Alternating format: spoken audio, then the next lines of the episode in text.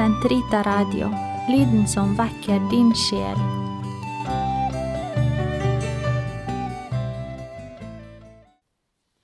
Den katolske kirkes katekisme, uke 40, onsdag 763 til 769.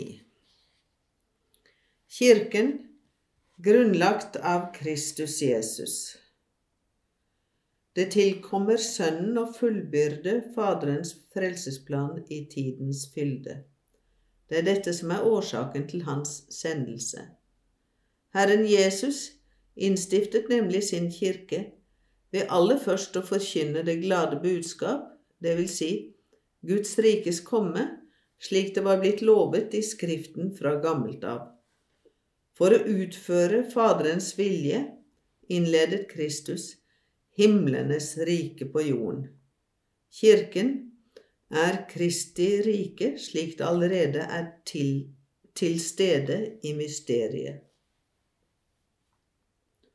Dette riket skinner for menneskene i Kristi ord, gjerninger og nærvær. Å ta imot Jesu ord er å ta imot selve riket. Spiren og begynnelsen til riket er den lille flokk, Lukas 12, 32, som består av dem Jesus var kommet for å kalle rundt seg, og som han selv er hyrde for. De utgjør Jesu egentlige familie.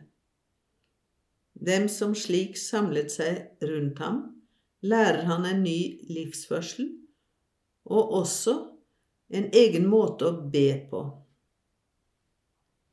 Herren Jesus utrustet sitt fellesskap med strukturer som skal forbli inntil riket fullkommengjøres. Fremfor alt valgte han ut de tolv med Peter som leder. De representerer Israels tolv stammer og er grunnstenene i det nye Jerusalem.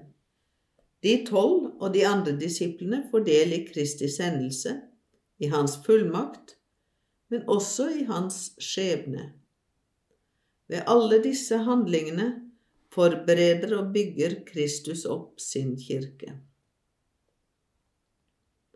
Men Kirken fødes først og fremst av Kristi fullstendige hengivelse for vår frelse, som foregripes i Eukaristien og fullbyrdes på korset.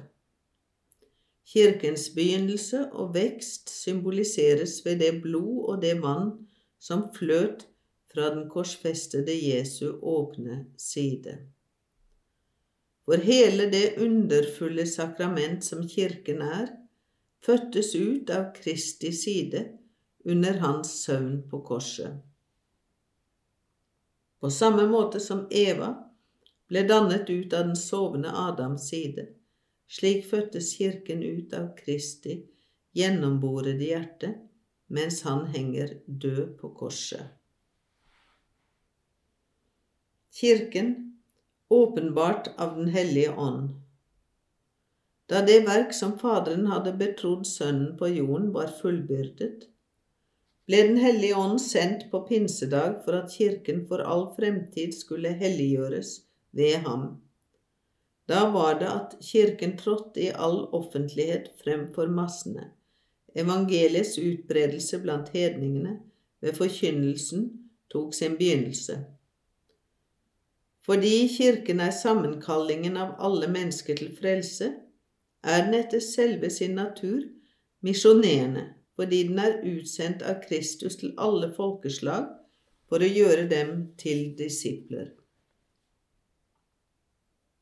For å utføre sitt oppdrag bygger Den hellige ånd opp og veileder Kirken med de forskjellige gaver, de hierarkiske og de karismatiske forlenet med grunnleggerens gaver og tro mot hans bud om kjærlighet, ydmykhet og selvfornektelse, mottar Kirken således som oppdrag å forkynne Kristi og Guds rike og grunnlegge det i alle folkeslag. I Kirken består spiren og begynnelsen til dette riket på jorden.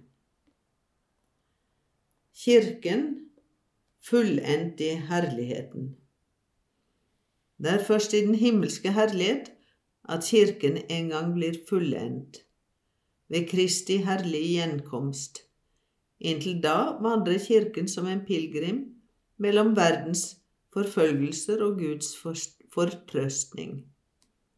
Her nede vet den seg i utlendighet, langt borte fra Herren, og den sukker etter at riket endelig skal komme, den time da den skal forenes med sin konge i herligheten.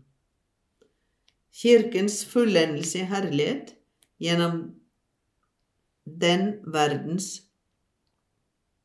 og gjennom den verdens fullendelse vil ikke finne sted uten gjennom store trengsler.